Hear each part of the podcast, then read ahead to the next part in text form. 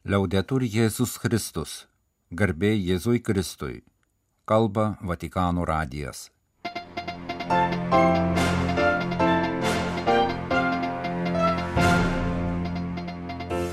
Malonus klausytojai šioje sekmadienio vasario 25-osios programoje. Sekmadienio vidudienio malda su popiežiumi. Pranciškus paminėjo karo Ukrainoje antrasias metinės ir apmastė antrojo gavėnio sekmadienio Evangelijos skaitinį.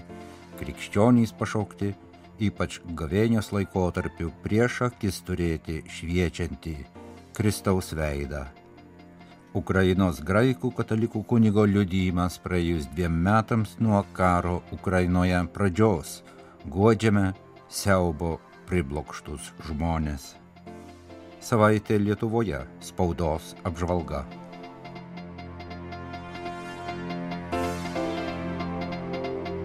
Popiežius Pranciškus sekmadienį po vidudinio maldos paminėjo karo Ukrainoje antrasias metinės. Ieri 24 febbraio abbiamo ricordato con dolore il secondo anniversario dell'inizio della guerra su vasta scala in Ucraina. Vakar vasario 24 dieną su skausmu prisiminėme plataus masto karo Ukrainoje pradžios antrasias metinės, kiek daug žuvusių, sužeistų, naikinimo, sielvarto ir ašarų per laikotarpį, kuris darosi siaubingai ilgas ir jam nesimato pabaigos. E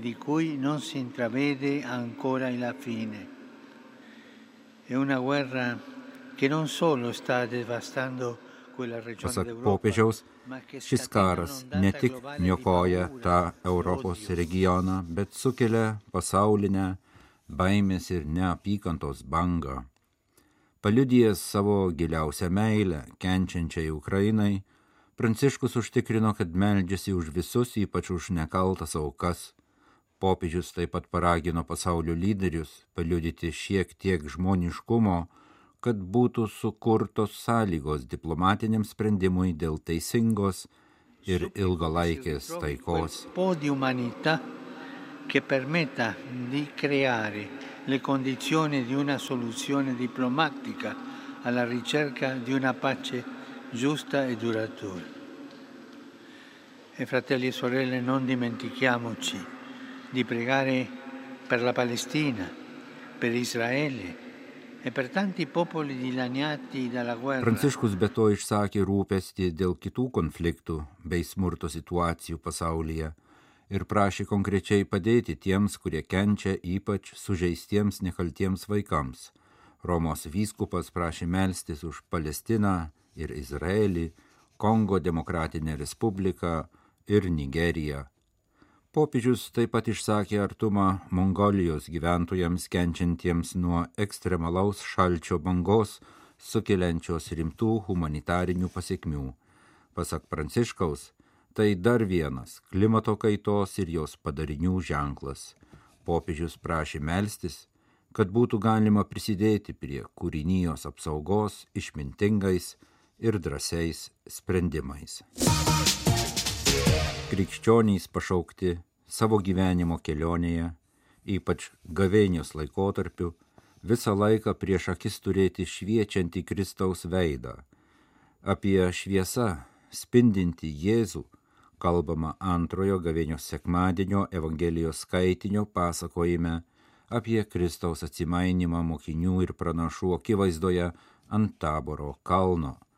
Skaitinį apmastė popiežius Pranciškus sekmadienio vasario 25-osios vidudinio maldos susitikime Šventojo Petro aikštėje. Su mokiniais ant kalno užlipęs Jėzus fiziškai apsireiškė visa savo šviesa. Jis tokiu būdu atskleidė mokiniams visą tai, ką iki to momento jie kartu patyrė. Karalystės kelbimas, nuodėmių atleidimas, gydimas ir visi kiti ženklai buvo didesnės šviesos, Jėzaus šviesos, šviesos, kuri yra Jėzus atspindžiai. Mes krikščionys esame pašaukti daryti panašiai kaip varsna ariantys valstiečiai, tęsė Pranciškus, žvelgti į priešais esantį tikslų punktą, kad arklo verčiama vaga būtų tiesi. Mokiniai pašaukti niekuomet nenuleisti akių nuo Jėzaus, ypač išmėginimuose. Broliai seserys, atsiverskime Jėzaus šviesai, jis meilė ir amžinasis gyvenimas. Gyvenimo vingiuose, kartais itin varginančiuose, ieškokime jo veido, kupino gailestingumo, ištikimybės ir vilties. Mums padės malda, žodžių klausimasis, sakramentai. Malda, žodžio klausimasis ir sakramentai padės mums visą laiką žvelgti į Jėzų. Gavėnios metu puoselėkime atvirus žvilgsnius, tapkime šviesos ieškotojais, Jėzaus šviesos maldoje ir žmonėse. Popiežius meldė Dievo šviesą šviečiančią švenčiausiąją mergelę Mariją, kuriai skirta vidudienio malda, kad padėtų mums visą laiką žvelgti į Jėzų ir vieniems į kitus su pasitikėjimu ir meile graikų katalikų kunigas Aleksandras Bohomazas, tarnaujantis Zaporyžios parapijoje, patyrė rusų okupaciją, buvo tardomas, o paskui ištremtas. Tai buvo tarsi didelis lageris, koncentracijos stovykla, pasakojo kunigas. Visiems katalikams noriu pasakyti, kad Dievas yra arčiau nei galime įsivaizduoti. Prašau jūsų melstis už mūsų žmonės, kad visi galėtume liudyti ne tik griuvėsius, bet kaip Dievas viską atnaujina, Tai 34 metų graikų katalikų kunigo Aleksandro Bohomaso žodžiai tariami praėjus dviem metam po karo Ukrainoje pradžios. Iki kol okupantai jį išvarė iš šalies apkaltinę neapykantos kurstimu, kunigas tarnavo graikų katalikų bendruomeniai Melitopolyje, šalies pietuose esančiame mieste, okupuotame 2022 m. vasario 26 d. Bendruomenė, kurią 2010 metais įkūrė Slovakų kunigas Peteris Krenicki, buvo labai gyvybinga, plėtėsi. Viskas prasidėjo nuo vieno kunigo ir trijų parapiečių, o 2022 m. vasario 23 d. ten dirbo penki graikų katalikų kunigai ir vienas lotynų katalikų kunigas. Jie vykdė įvairias veiklas, atidarė centrus vienišiems ir neįgaliems seneliams, padėjo benamiams, būrė jaunimą. Dauguma šių naujai įkurtų graikų katalikų bendruomenių narių buvo buvę politiniai kaliniai iš vakarų Ukrainos, sovietų vyriausybės ištremti priverstiniams darbams į Sibirą. Kai jie buvo paleisti, jiems buvo uždrausta grįžti į savo regionus todėl jie apsigyveno Ukrainos pietuose ir rytuose. Taip pat buvo daug žmonių, kurie po karo atvyko dirbti iš vakarinių regionų. Buvo daug žmonių, kurie anksčiau neturėjo ryšio su bažnyčia, nebuvo pakrikštyti ir kuriuos mes krikštijome suaugusius, pasakoja kunigas. Žinoma, nebuvo lengva, visada reikėjo sunkiai dirbti, bet prisiminimai gražus, nes ten praleido pirmuosius septynerius kunigystės metus. Jis pats kilęs iš Hersono srities, jo gimtinė tebėra Rusijos okupuota. Melitopolis tapo antruoju jo miestu. Norėčiau grįžti, svajoju apie tai, meldžiuosi ir tikiu, kad sugrįšime. Kaip ir daugelis ukrainiečių bei kitų žmonių prieš invaziją, kunigas Bohomasas netikėjo, kad kils karas. Iš pradžių savo kėliau klausimus, kodėl, kas bus toliau, ar mes esame nuodėmingesni už kitus, kodėl šis blogis smogė būtent mums, apėmė neviltis. Tačiau dvasininkas nenorėjo paskesti tokiuose mintise ir kartu su kitais parapijos kunigais ėmėsi veikti, reaguodamas į pastoracinius ir humanitarinius iššūkius.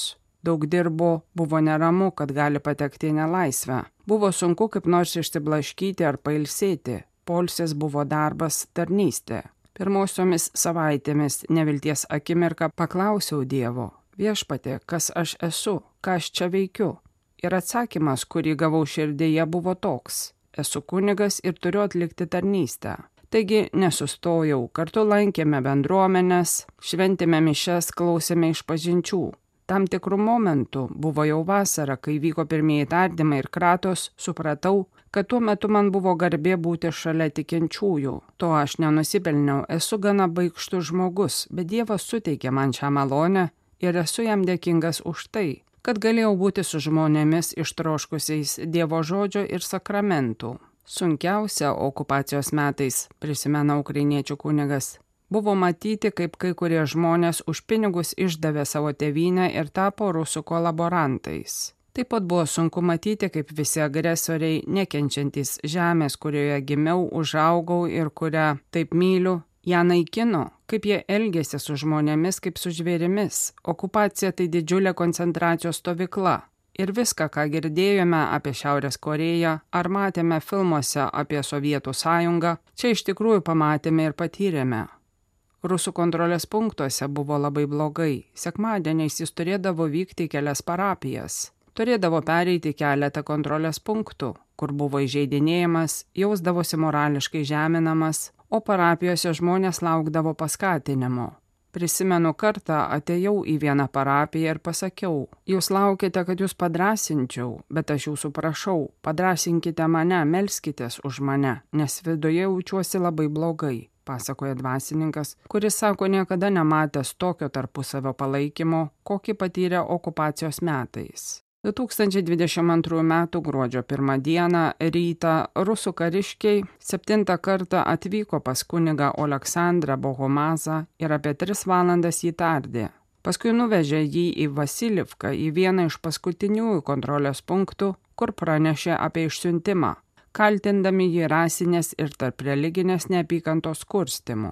Pėsčiomis per demarkacinę zoną jis ėjo apie tris valandas, virš galvos lekiant kulkoms, žemė buvo padengta minomis. Priešais jį buvo ukrainiečių pozicijos, o už nugaros kančia ir kartu žmogiškojo palaikymo bei Dievo buvimo patirtis. Dabar kunigas Aleksandras tarnauja Zaporyžios graikų katalikų parapijoje. Dažnai lanko kariškius. Jie aukoja savo gyvybės, kad aš galėčiau grįžti namo. Kas kart, kai aplankau kariuomenės karštosiuose zonuose kovojančius karius, matau, kad jie yra taip traumuoti karo, kad sunku žodžiais nusakyti tą siaubą. Jie negali ir nenori kalbėti. Kai ten vykstu, melžiuosi. Jėzau, ne aš einu, o tu eini. Ukrainietis graikų katalikų kunigas Aleksandras viso pasaulio katalikams nori pasakyti. Dievas yra arčiau nei mes įsivaizduojame. Tai patyriau, kai kirsdamas demarkacinę liniją, nežinodamas ar atvyksiu gyvas ar ne, ir kai sėdėjau automobilyje kartu su mane išvežančiais okupantais. Jis prašo melstis už ukrainiečių tautą, kad visi galėtume liudyti ne tik griuvėsius, bet ir tai, kaip Dievas atnaujina.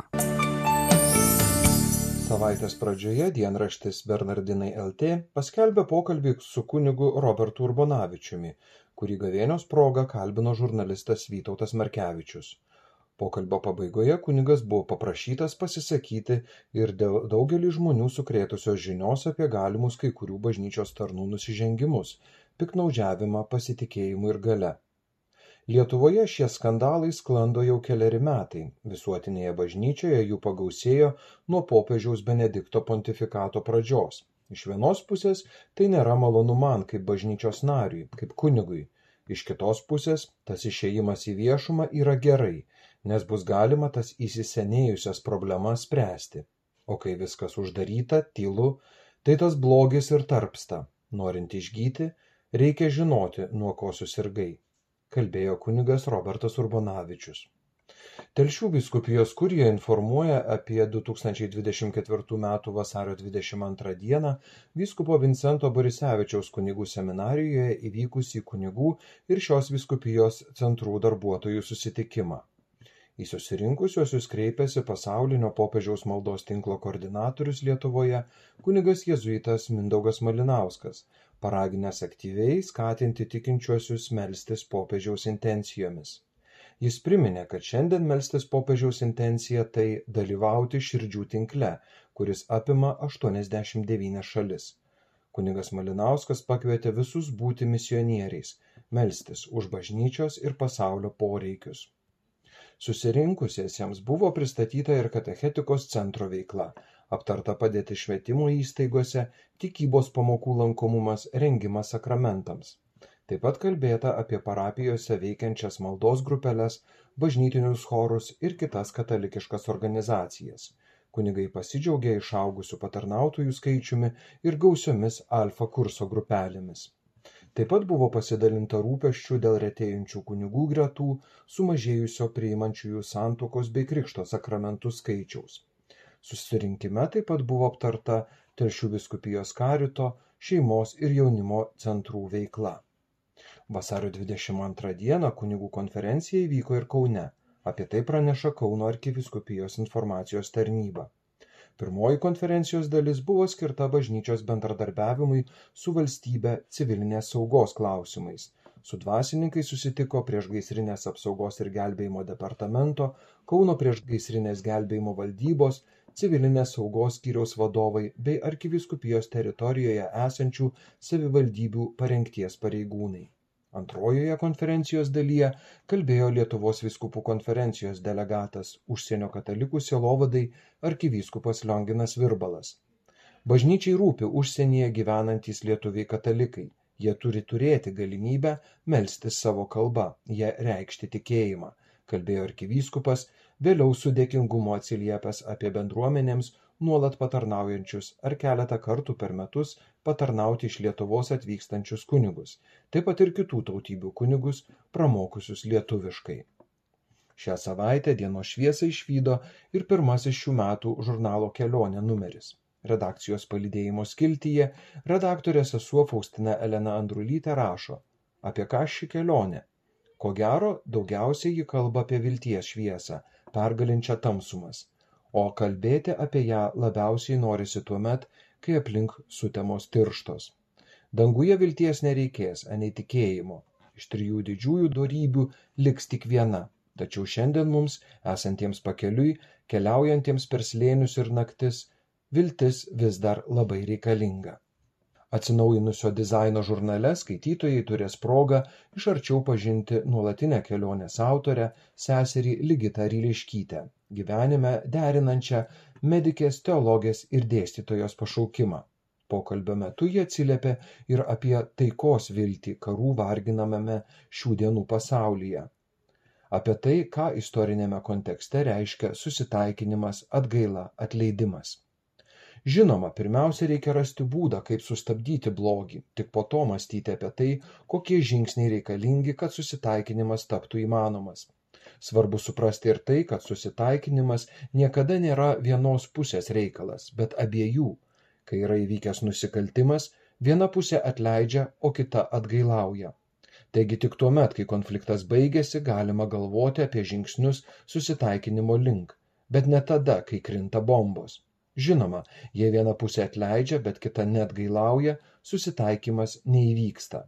Kartais mes skubame duoti išrišimą be atgailos. Kita vertus supranti, kad širdį atleidimui turi pradėti ruošti jau dabar. Istorijoje keršto ciklai nutrūksta tik dėl to, kad kažkas suranda jėgų atleisti, tačiau neužglostant, nepaneigiant kaltę. Atleidimas gali tapti moralinio protesto forma, kaip atleidimas, kuris kviečia atgailai ir pastato nusikaltelį jo nusikaltimo akivaizdoje. Primena sesuo Ligita Riliškytė pokalbyje, kuris skelbiamas naujausiame žurnalo kelionė numeryje. Vatikano radijui Gedrus Tamaševičius iš Vilniaus.